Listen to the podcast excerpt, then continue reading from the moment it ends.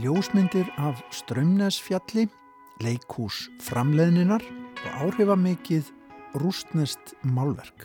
Þetta er viðsjá dagsins í dag.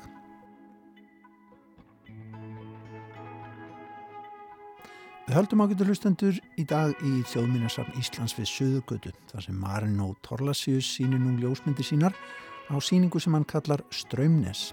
Myndirnar eru teknar upp á Strömnesfjalli sem stendur milli Aðalvíkur í Suðri og Rekavíkur í Norðri og er nú hluti af friðlandinu og Hortströndum.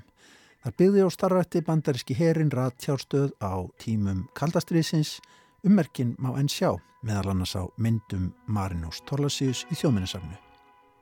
Og Snorri Raffn Hallsson pislahöfundur í Vínarborg, hann heldur áfram að fjalla um vinnu hér í Víðsjá. Í dag býður Snorri Raffn hlustendum á síningu í leikhúsi framleðninar, síningu sem við tökum öll þátt í með einum að öðrum hætti.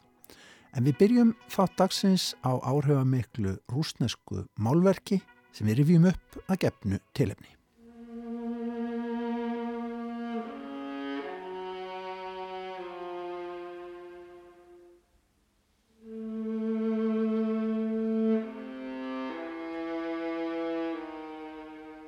Það er rétt tæplega 2 metra breytt og tæpir 130 cm á hæðina. Í gildum ramma og glæstum, það er ekki það, en myndefnið er nokkuð óvinnilegt og um leið skelvilegt. Ég er að tala um listaverk sem að hangir í þjóðarlistasafni Stórþjóðar langt, langt í austri, nána tildekið austur í Mosku og safnið heitir Tretjakov. Ég er að tala um óljumálverk eftir málaran Vasili Versagin sem að heitir Vexsömun stríðsins. Verkið sem listamærin Versegin málaði árið 1871 er eitt af hans allra allra frægustu verkum, ofunilegt og áhrifaríkt verk í alla staði. Og svo ég kom mér að myndefnu að horfum við á rúu af hauskúpum sem að liggja á sólbagaðri jörð og yfir og allt umkring sveima svartar krákur.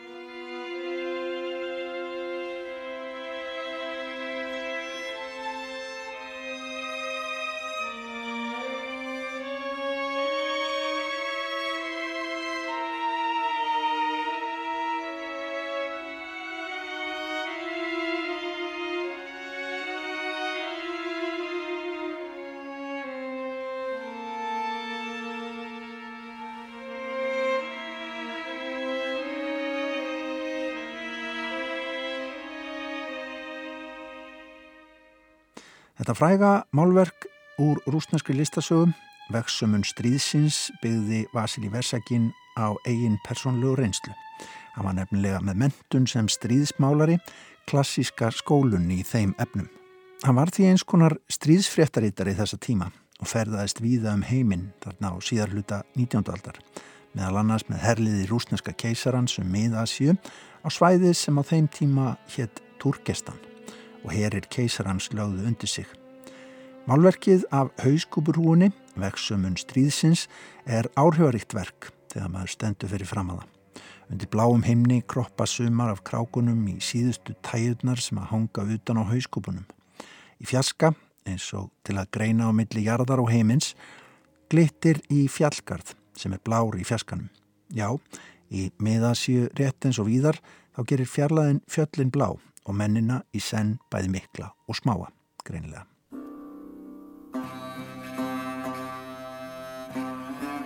Og þarna í fjaskanum, hægra megin inn í dýft myndflatarins, leynist líka borg sem reynist þeirra Samarkand, þar sem í dag búa eitthvað aðeins færri en búa á Íslandi, eitthvað um 350.000 manns. Borgin tilherir í dag Úsbyggistan, er önnur stærsta borg þess lands og ein af eldstu byggðu borgum heims stapnaði til dæmis vel sem einn af áfangastöðunum á Silkiveginum fræga melli Evrópu og Östurlanda fjær.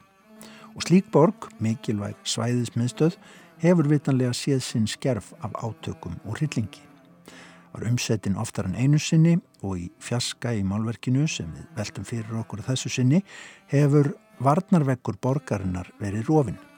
Þarna liggjaðar síðan hrúa af hauskúpum eins og við öllur meðundu skinninu og mynda eins konar píramíta, viðbjóðslegan sigur píramíta í hádegi sólni, þannig að stuttur skuggi fellur á jörðina. af þessu tákni um sigur eins og endanlegan ósigur annars.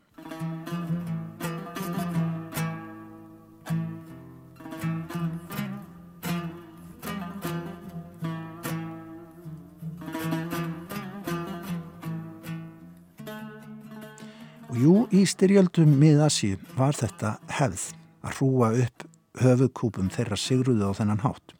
Herir sigurveðara gengu í verkið hvort sem það voru herrmenn Mongóla undir fórustu gengis kann áður eða síðari tíma herrfóringar. Og Vasili Versegin dró ekkert undan og fekk þannig bátt fyrir í heimalandinu. Var saður sína heri rúsneska keisarans í slæmu ljósi en auðvitað vakti fyrir listamannum að benda á að þetta væri alltaf eins. Stríð væru alltaf hræðileg. Til vittnis um það er áritun sem að listamæðurinn skildi eftir sig á ramma verksins. Þar er verkið tilengað öllum miklum sigurvegurum, fortíðar, nútíðar og framtíðar.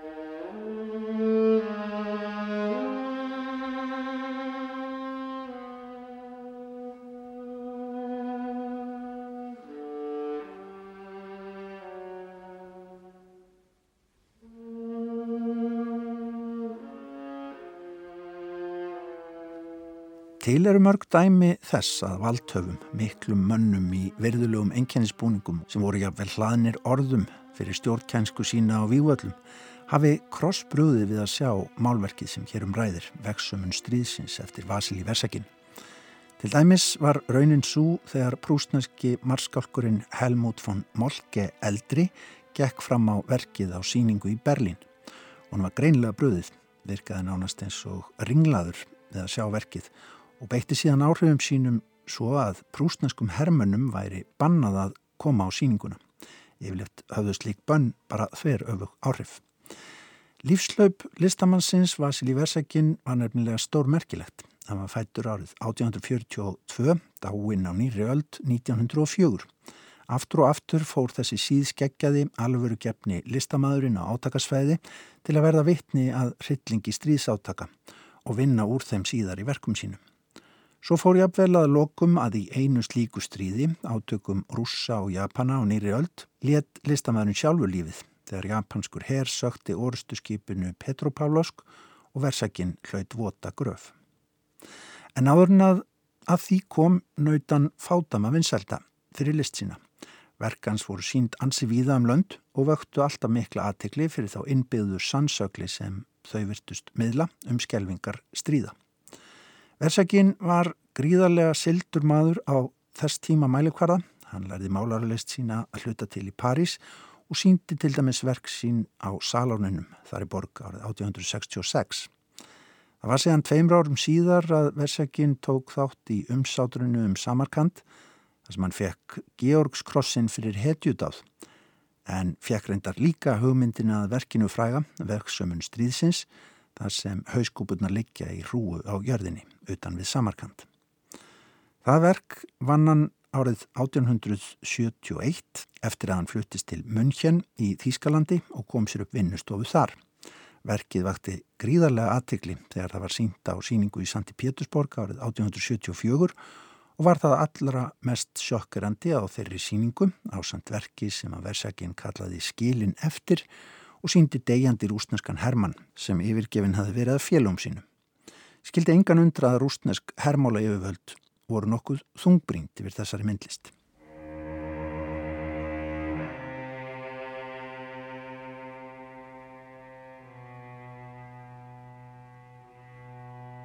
Vasili Versagin fór ótrúlega víða með verksín og þau nöndu fátama vinsalda og aðtegli á þessum árum. Tugþúsundum saman komu gestir á síningar hans til dæmis í Berlín og í Vínarborg þrátt fyrir reytskoðunar tilbörði stjórnvalda í báðum borgum. Listamæðurinn ferðaðist líka um heimalagafjöll til Tíbet og til Indlands og slíkum ferðum málaði hann merkar myndir sem sína lifnaðarhætti, tísku og menningu og ólíkum svæðum og stórmerkar byggingar til dæmis í Indlandi sem breytar stjórnum vissulega á þessum árum. Og alltaf var það markmið listamannsins lengt og ljóst að fræða áhöröndur sína um hrylling stríðsátaka, hvort sem verkans voru síndi í London, París, Berlín, Dresden, Mínarborg, New York eða Chicago. og víða var fjallaðum listamannin á síðum stórblaða heimsins þegar 19. öldin var að renna sitt skeið. Listamæðurinn talaði til dæmis um hvernig hann þráði að fjalla í verkum sínum um hinnar bjartari hlýðar lífsins en skjelving stríðsins sem hann þekkti af eigin raun dró hann alltaf aftur og aftur að sér. Það var það sem að versakinn þurfti að miðla og til þess notaði listamæðurinn Ímis meður skrifaði til dæmis áhrifamiklar bækur sem aftur höfðu áhrif á heimsbókmyndirnar til dæmis á Tolstói þegar hann var að skrifa stríð og frið.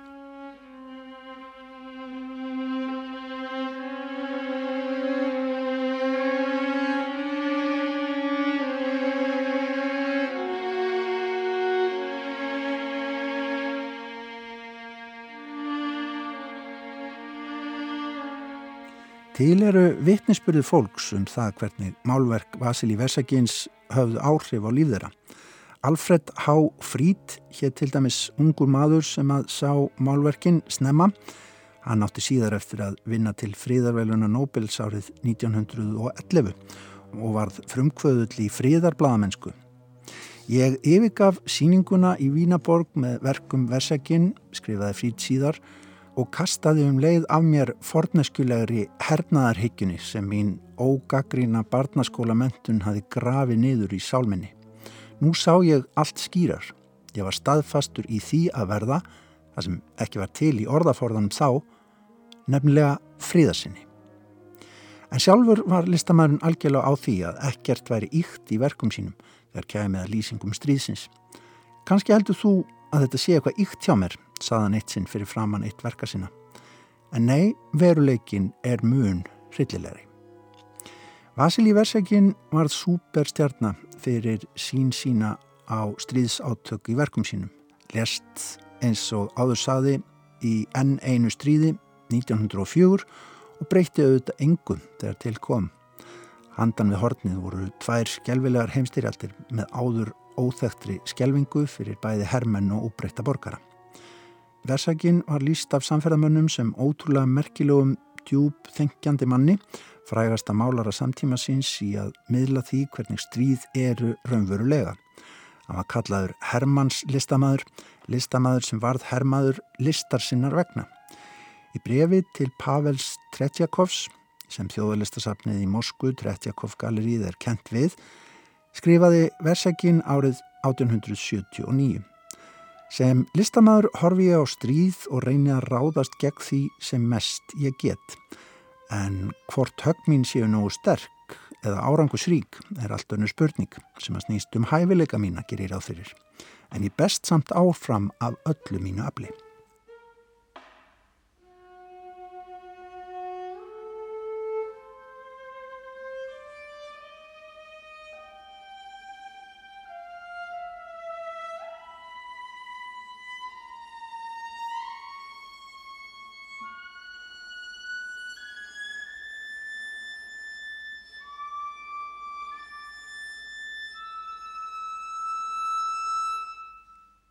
Sagan af Vasili Versakín og verki hans Veksumum stríðsins sem vitanlega er langt frá því að vera eina verkið þar sem listamæðurinn ræðist gegn stríðsbröldi er revjuð upp hér vegna þess að margir sem að unna og þekka rúsneskri málararlist segja sem svo að fyrir framann þetta verk af hauskúpum við Samarkand þurfi hver einasti fórseti eða fórsetisráðara að standa áður en að hann ákveður að fara í stríð.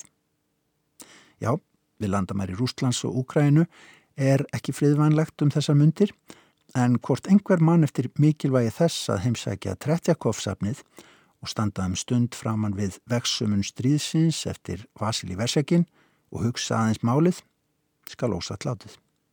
En áfram þá byggjum við fyrir friði.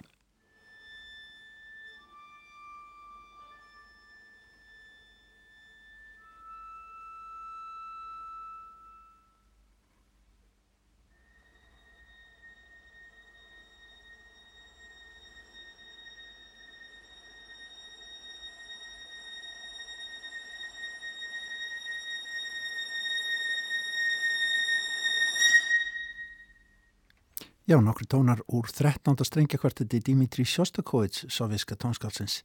Þarna með í bland við þessa umfjöllun um gamalt rúsnest en áhrifaríkt málverk. Þarna var líka úsbekísk þjólaðatónlist innanum. En Snorri Raffn Hallsson, hann er að velta fyrir sér vinnunni hér annan hvern fymtudag í Vísjá. Við skulum gefa honum orðið þannig að vist að bjóða okkur í leikús. Leikús framleiðninar.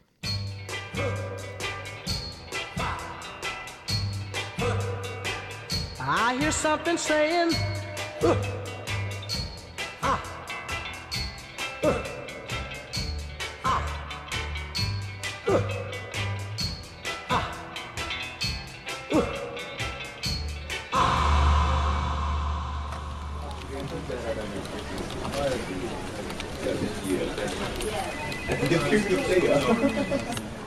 Velkomin á skrifstofuna. Þessa ósköp venjulegu skrifstofu hjá ósköp venjulegu fyrirtæki einhver staðar í borgartúninu eða kannski í Kópavogi, jafnvel upp á höfða. Það skiptir svo sem ekki öllu máli, við gætum verið svo gott sem hvar sem er í heiminum. Hér eru kannski gerðar markaðsrannsóknir. Kannski er síslað með peninga eða línur lagðar fyrir framtíð þjóðarinnar. Þetta geti verið greiningadeild, þjónustuver eða auðlisingastofa, útvarpstöð eða heldsala. Og hér er allt eins og það á að vera. Og af útlítinu að dæma er ekki bara brjálað að gera, heldur allir í óða önn við að koma hlutum í verk. Sjálfvirka kaffevélinn malar bönir nánast viðstöðulegst á kaffestofinni. Í glermúruðu fiskabúri í horninu er þjættur hópur á stöðufundi, einhverjir sitja í strategist staðsettum sófum og ræða saman. Sumir ganga um með pappira í höndunum með að síma upp að eiranu og liklaborðspikkið sem síður enn fleiri hlekkin í tölvupostkeðjurnar rennur áreinslu löst inn í bakgrunnin, flettast saman við lávært suðið í flúrljósa perunum, tölvu viftunum og spennu breytunum. Hvert sem litið er má sjá mjög upptekið fólk sinna mjög mikilvægum verkefnum. Og aftur, allt eins og það á að vera, ekki satt. Kliðurinn og umgangurinn, samtölinn og skrifinn, öll til mark sem að hér sé alls konar að gerast. Fólk á fullu að vinna sína vinnu.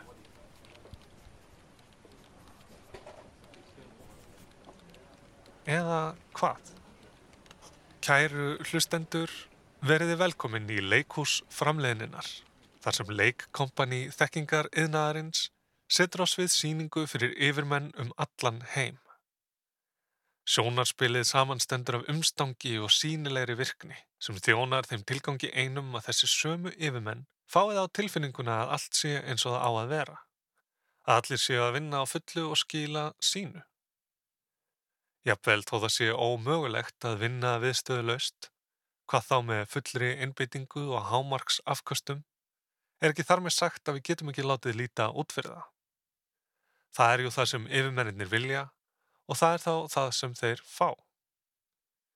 Við höfum mörg okkar tekið þátt í þessari síningu, setið fundi sem eiga að koma öllum á sömu blaðsíðu en eru lítið annað en tímasóun. Skrifað tölvuposta og stöðu uppvæsluður um það sem við erum að gera, frekar en það sem við þurfum að vera að gera og við höfum öll skipt snarlega um flipa í vafranum þegar yfirmadurinn á leið hjá til þess að fela slúður vefsíðunar eða samfélagsmiðlana áður en það kemst upp um okkur. Leikús framlegininnar á sér hliðstæðu í öryggisleikúsinu. Öryggisleikúsið er allar þær öryggisráðstafanir og aðgerðir sem greipið er til, sem skapa tilfinningu fyrir bættu öryggi, án þess að gera lítið sem nokkuð til þess að raunverulega bæta öryggi. Tökum flugvelli sem dæmi. Please watch your luggages. Hold the handrail. Mind your steps. Hvar svo sem maður dreipið niður fæti á alþjóðlegum flugvelli þarf að framvisa skilríkjum og farsæli, gangast undir skimun og vopnaleit, láta gegnum lýsa töskuna sína, taka af sér belti og skó og þar fram eftir götunum. Allt eru þetta hluti af auknu og hertu eftirliti sem ráðist var í, í kjölfar árásana á tvíburaturnana í New York 11. september 2001. En þrátt fyrir að við förum öll í gegnum málmleitar hliðin á sokkaleistunum hefur engin skósprengja fundist í fjölmörg ár. Þrátt fyrir að allur vökvissi gerður upptækur hafa engin fljótandi sprengiefni fundist.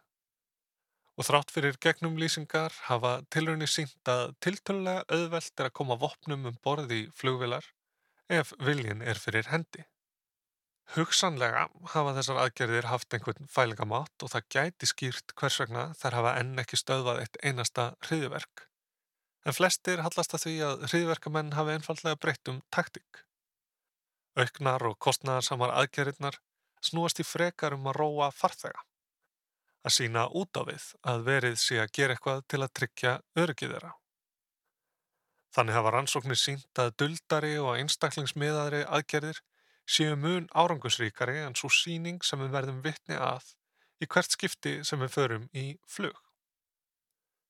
En við treystum því sem við getum séð og ef það sést að það er verið að gera eitthvað, þá hlýtur eitthvað verið að gera. Öryggisleikúsið og leikúsframlegininnar eiga það sameiginlegt að vera látaleikur.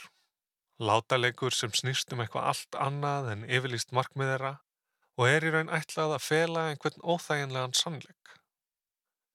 Ef öryggisleikusið hilmir yfir þá staðar enda við erum aldrei alveg 100% örug og ríki heimsins munu sama hvað aldrei geta komið í vekk fyrir öll hriði verk, hvað er það þá sem leikus framlegininnar dilur? Jú, það er öllu sakleisislegri hugmynd sem er grafin undir allri síndarvirkninni á vinnustöðum heimsins. Svo staðar enda vinna dagsins í dag er meira á minna ósýnileg.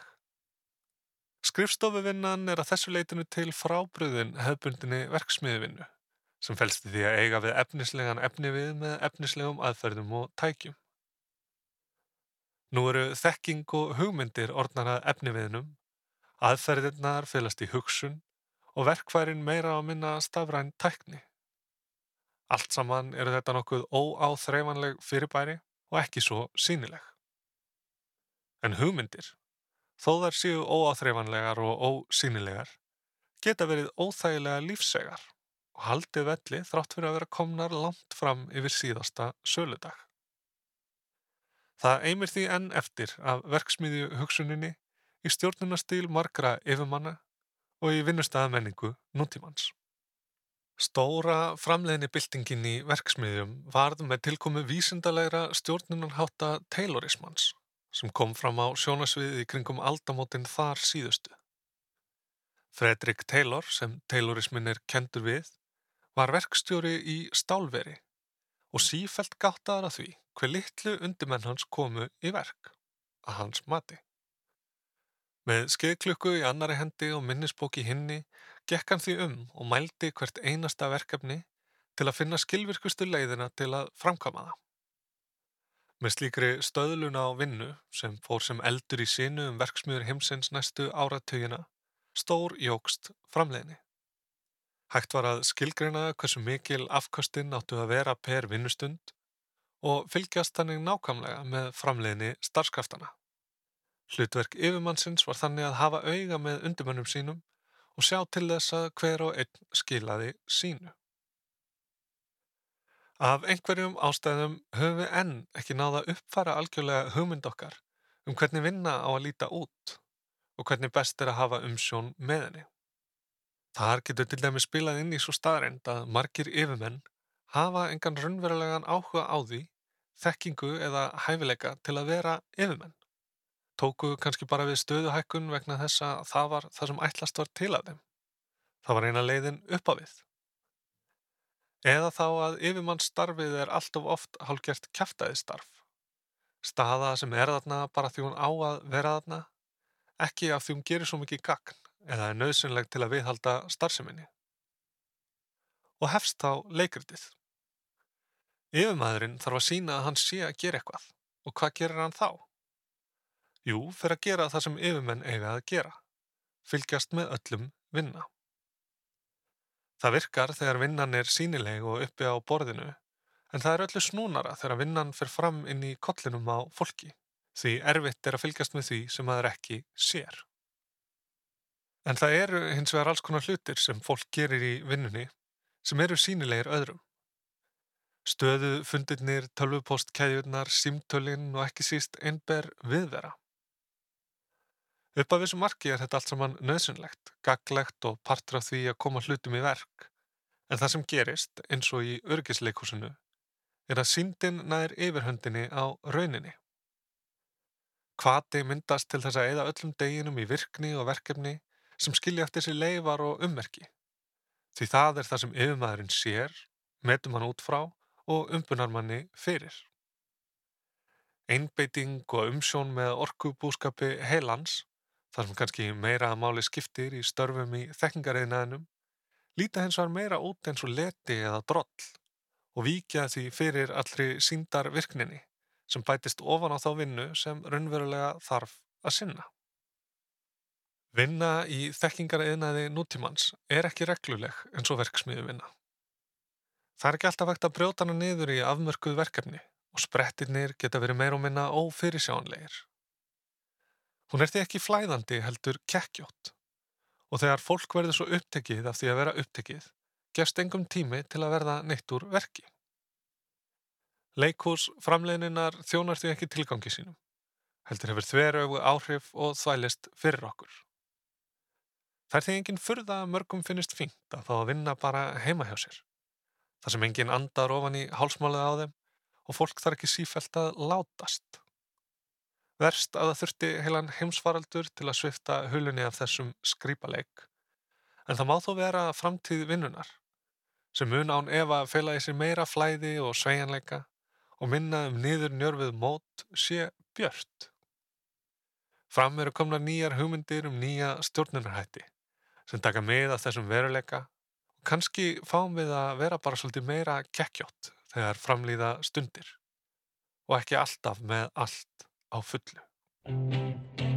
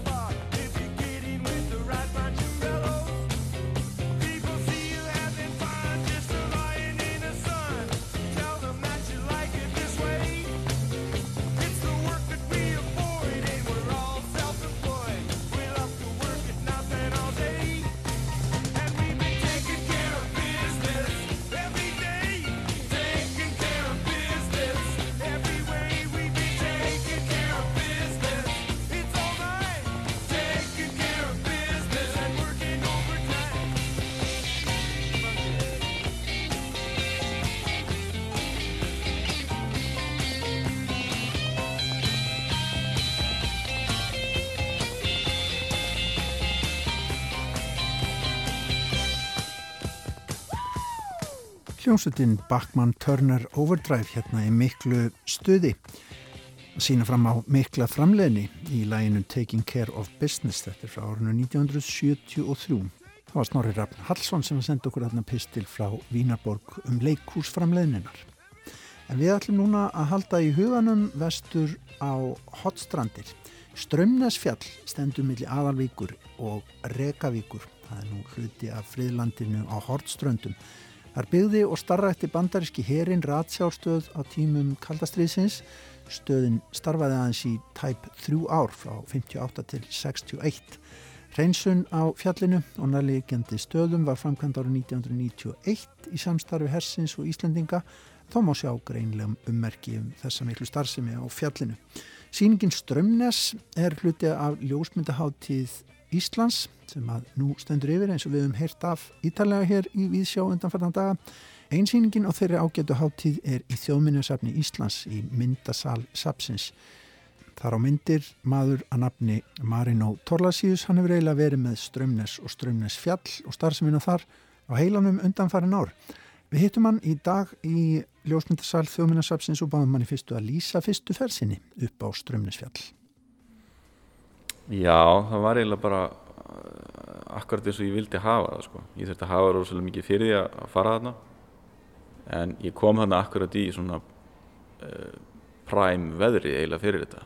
Heimur stöðarinnar er rosalega mikið alltaf í þóku og, og veðra viti, kannski svolítið ótengt við kannski svona veðu spár því að þetta er svona, þetta er upp á fjalli sem er mjög hátti við sjáamáli og staðurinn er þekktur fyrir þessa þóku sem að hangir alltaf yfir, meir og minna sko.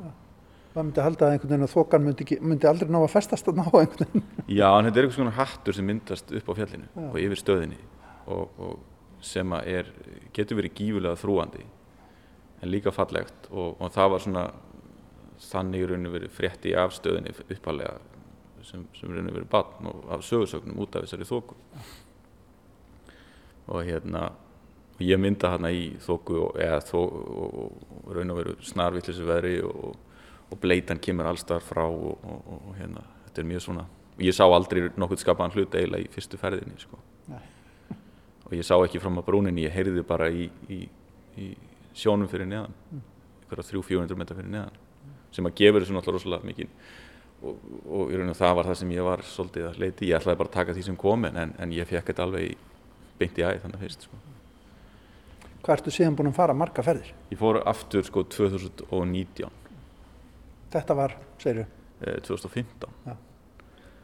og það svona var uh, og verkefnið búið að vera svona með mér svolítið langan tíma mm og ég fyrir svona að sjá, sjá horfa mér í af hverju ég fór í þetta því að, því að þú veist það er svolítið fyrirhöfn að fara aðna og maður er kannski svona uh, og fyrsta ferðin var nú svona frekar skrautlega líka sko því ég var náttúrulega alveg einn og það var engin aðna svæðin út af veðri og öðru en, en svo fór ég aftur 2019 og þá, þá ég vissi svo sem ekkert hvort ég var að fara að nota myndefni frá þeirri ferð. Ég vildi fara aftur og og var svolítið með aðra nálgun því mér, ég var svo fannst svona, ég var svo var svo mikið að spá í hugmyndafræðin í þessu. Það var það sem einhvern veginn tókaði í mig.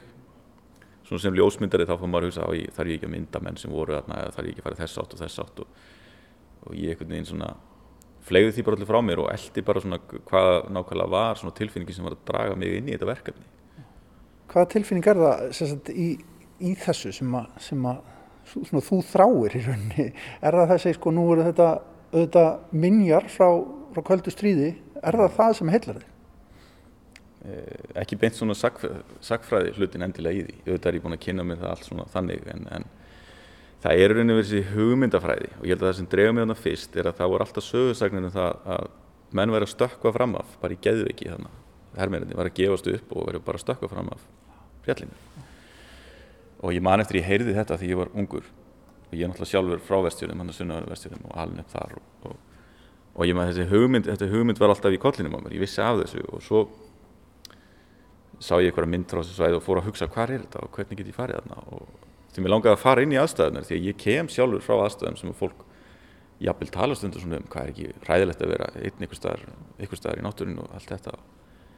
Og mér langaði bara til þess að vaða inn í, þeirra aðstæður svona eins og ég gæti og sjá hvað myndi gerast með eina filmuvel og ekkert backup og ekkert digital og ekki neitt. Og, og ég ætlaði bara að koma það sem ég kemi með tilbaka það myndi ég sína á einn eða annan hátt sko. E, það dróð að það fyrst. Ég, ég, svo rakst ég á eftir rítgerð eftir Sólurinu Þorstinsdóttur sem er um þetta sem hann gerði hætti í 2012 sem er frábær rítgerðir raun og veru um um þessa herstuð og fer á all mannlega þáttin og alla þessa hluti. Og ég fyrir svona glugg í hana en hef hana samt, er samt ekki láta hafa, hafa, kannski, hafa mikið áhrif á mig því ég fer aðna því ég vil fara aðna bara á þess að vera með neitt sérstakann svona hugmyndafræðilegan kompás og hvað gerðist eða vera sérstaklega að leita eftir því að dæma einn eða neitt eða, eða neitt slikt sko. Síðan fer þetta svolítið svona að shiftast líka og það eru rosalega margar hliðar á þessu og þetta svæði er náttúrulega svolítið svona e, er svolítið bara það er ekkert annað þarna sem hefði getað raska umhverfinu svona heldur en nákvæmlega þetta á þessum tíma. Við erum ekki með ykkur að vegagerði eða neitt annað, þarna er svona gamli þetta er raun og veru svona ykkur sviðsmynd, aðalvíkin það sem er komað upp, það sem að fólk bjó það sem er rispað sér upp á fjallið og, og misefnað tilvunir og þeir hlusta ekki á heimamenn og ímislegt svona og, og líka það er hægt að ganga þessu bara þannig 1991 sko átt að fara fram eitthvað svona hreinsun sem var jú gerð en misefnar sögur sem fara því og, og hérna já og það er hægt að horfa þetta nákvæmlega þennan stað af því að það er ekkert að það er erfitt að fara þannig séð, þú ert ekki með mikið að tækjum og þú rúndar ekkert ángað sko. Mm, mm. en þetta er heldur ekkert eitthvað þetta er heldur ekkert eitthvað, everest sko. En við getum ennþá að fara þetta í dag og séð ummerkin og hugsa líka af hverju og af hverju var þetta skilir svona eftir og, og það er það sem ég var áhuga á. Ég fyrir að leita í skjöl og annað. Ég hef meiri áhuga á, á hugmyndafræðinni og hvernig hún er að endur taka sig ennþá í dag. Og það er bara svo auðvöld að sjá hana þarna að því hún er raun og verið frosinn Rísa þyrlafögum bandaríkja hers sem er hér á landum þessar mundur í tilefna fyrirhugðum heravingum var notu við að flytja fólk og tækju upp og ofan fjallið. Þoka var mestallan tíman sem hreinsunum stóð en ágætt skigni var þegar þyrlan sótti síðustur hreinsunarmennina undir kvöld í gær. Jón Guðbjartsson stjórnaði hreinsunar framkvæmdunum á fjallinu. Uh, ég ger nú alveg ráð fyrir því að það megi finna ykkur staðar á fjallinu rusl annað eins og við erum nú búin að taka þarna höfum við ekki átt von á að finna á neinu fjalli. En hvernig gekk að urða dótið, er ekki klappir og klettar? Nei, það er þó nokkuð efnið þarna á mörgum stöðum og eins nýttu við okkur þær uppfyllingar sem þeir voru búin að gera, kanninn á sínum tíma og við vorum með eina gröfu sem að gró hólurnar og svo fluttuðu við þetta bara að á dráttafélum. Þannig að það gekk yfir höfum mjög vel. Við brendum nú allt timpur og, og allt þesslegt efni, plast og svona dratt sem að við verið skiljið eftir hérna ferðamennum og slíkt. Þannig að það er, þetta gekk yfir höfuð mjög vel.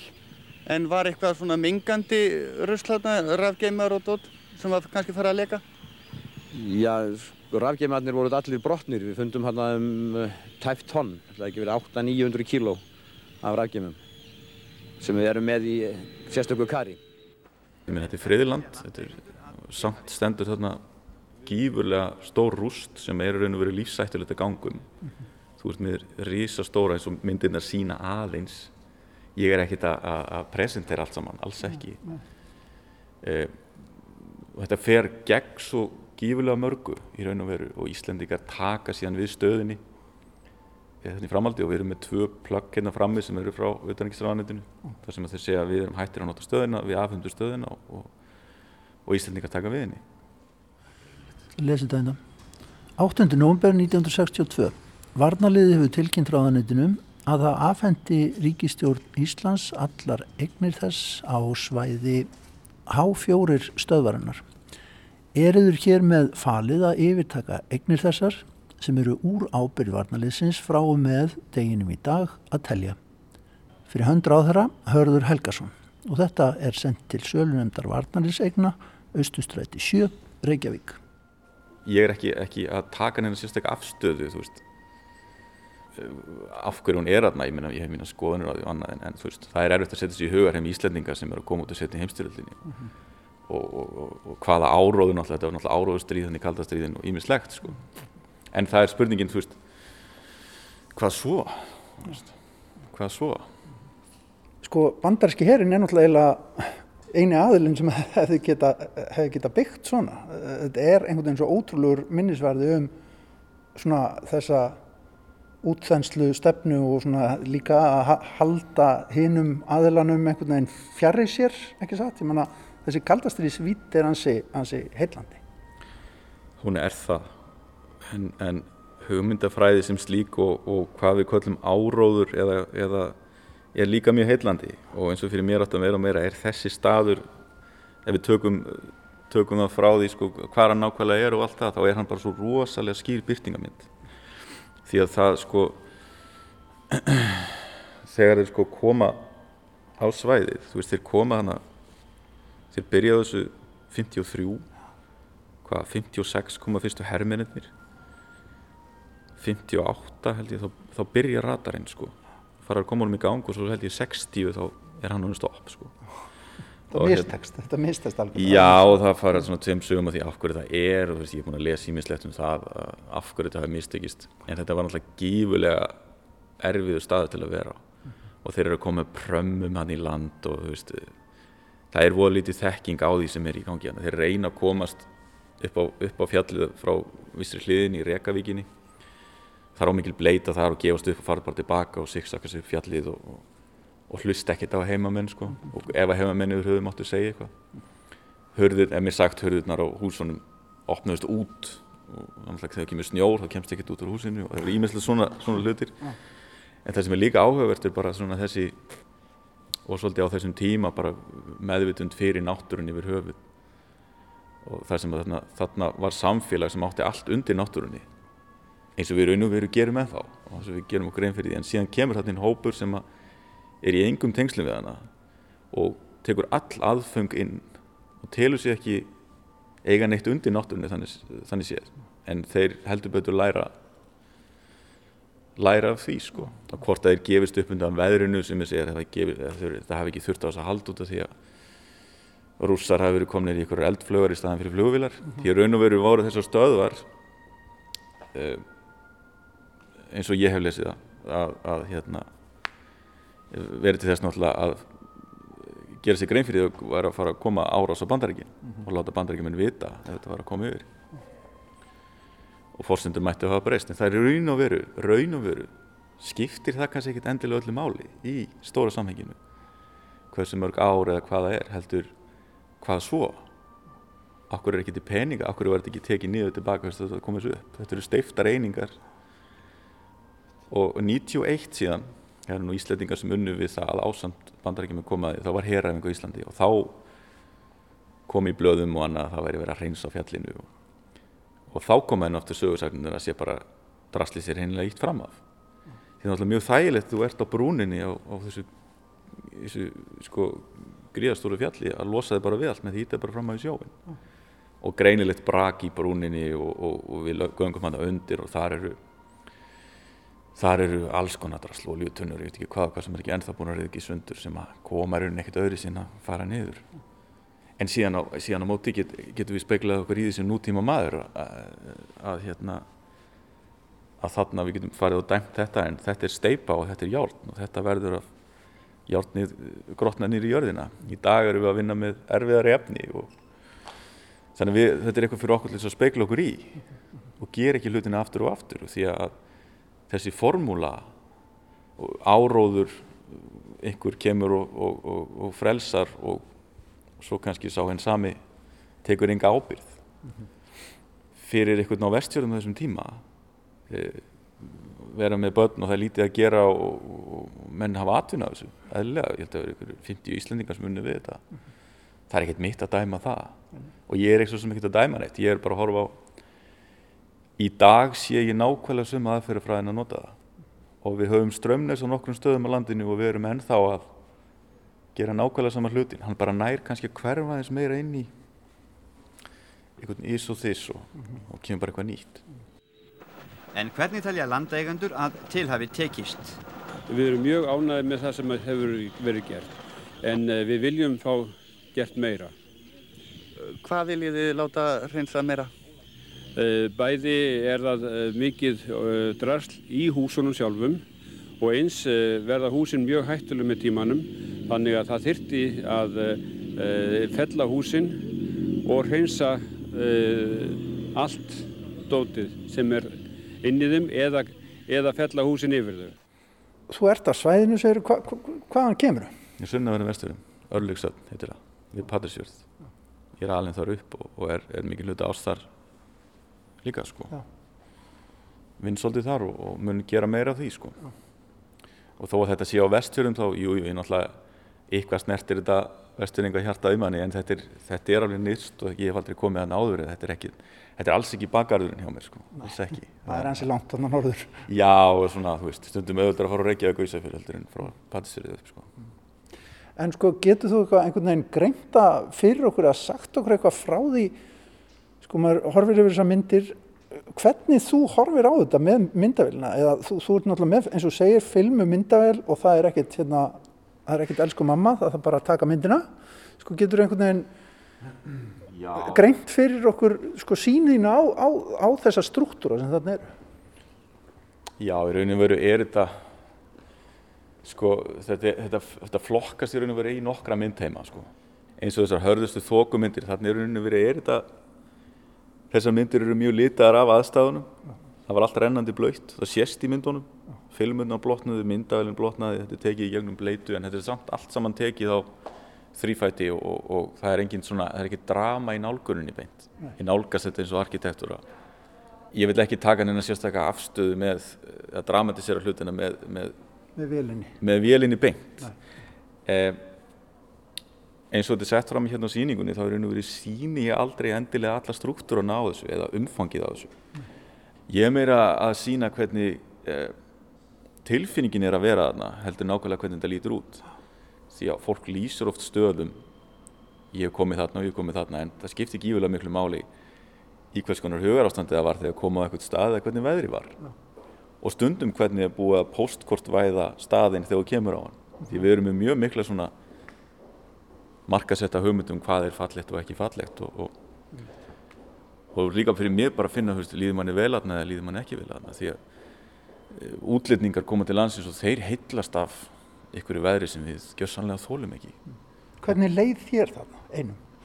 ég, þetta sko, mér leiði nú alveg ágætlega sko. það var nú ýmslega búið að ganga því komandi upp og svona en, en e, ég hafði nú að lítið tíma til að spá í það en ég hugsa nú ef einhver hefði leift sér að fara að verða eitthvað hrættur hérna við eitthvað þá hefði hann kannski alveg verið fórsendur fyrir því sko. þetta er svona eins og í ykkur í bíómynd þú ert þarna bara einn og það er ansi margi kílómetrar í eitthvað fólk og, og hérna maður er ekkert að fara að láta lífið þarna en þetta er óþægilegt játna berjast út um allt og Já.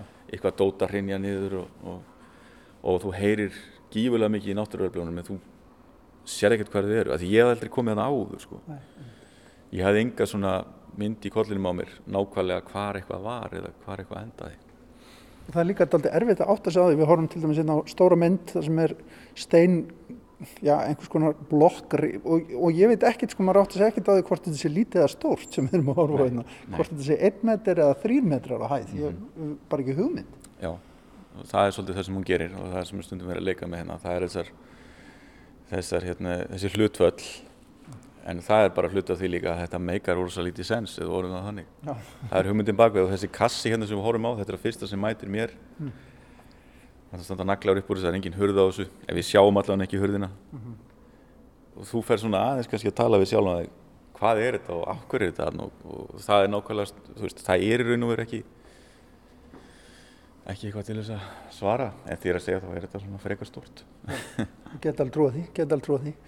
En svo, það er svona, það er eins og sé litur í sumu er, er sumt alveg svart hvít.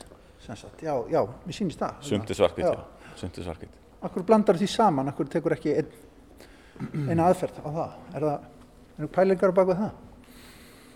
Já, þetta er svona meira kannski eh, að draga þetta meira svona ni- í, í einhvers konar struktúr sko. Að litinni séu kannski hafa ómikil áhrif á þig. Sumt af þessi er tekið svarkvitt og það er einhvern veginn þannig, þannig sem ég sé það bara hreinlega á staðnum. Ef ég orða það þannig, ég fylgi rosa mikið tilfinningun í þessu sko. Og sumt þarf ekkert að vera í lit og það hefur nú fólk komið hérna og sagt að þetta sé allt, sé svarkvitt síning en hún er nú, er það nú ekki? Nei, það er er er glettilega mikill litur í sumum allavega, þó, að- þó hann sé mitt, þó hann öskar ekki dáman. beint. Sumstaðar hefur liturinn tilgang Já. og sumstaðar ekkert endilega og það er kannski það sem að maður er að, að, leiti og ég er stundum bara að gera mig grein fyrir því okkur ég gerur hlutinni sem ég geri þá. Ég fer í gegnum þetta á vissan svona visual hátt og, og, og reyna að halda því, reyna að vera ekki of kalkulerar í því sem öllu sem ég er að gera svona í þessu formi. Því að við erum alltaf að eiga við vist flæði sem, er, sem ljósið er.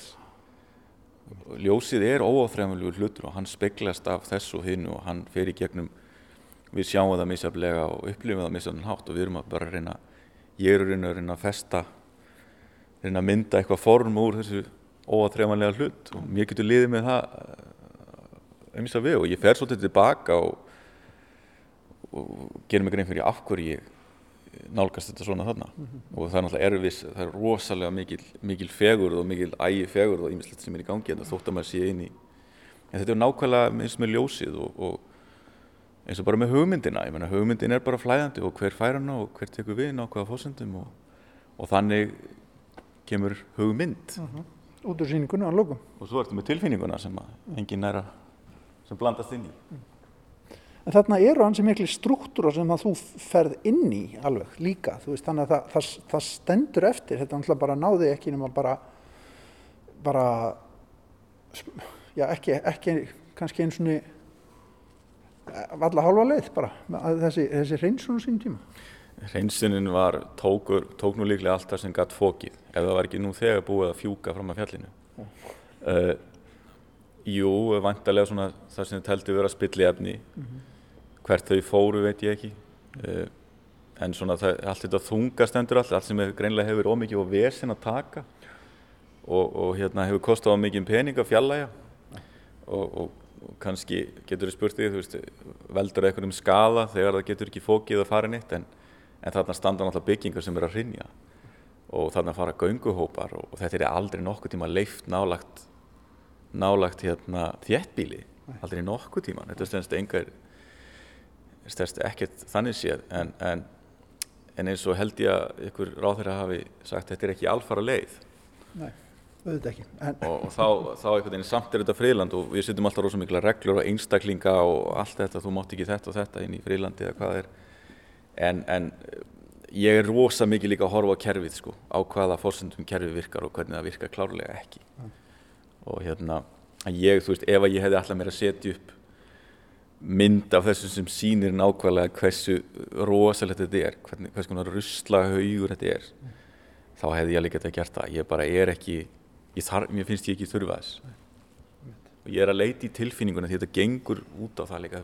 Það er svo stór partur af þessu, það eru lýsingar og, og okkar umtal um svona staði og hvernig mönnum leið og, og ofta tíðum er þetta bara meða við þessa frábæra riðgjur frá Solunu bara bara umtal og þvæla og þú veist, kannski sumt að þið fótt fyrir sér. En það er og við vinnum með allt, við þurfum að geta gert eitthvað grein fyrir því hvað er áróður og hvað er á hvaða fórsendum hann er? Oft er áróður ekkert annað en söluræða.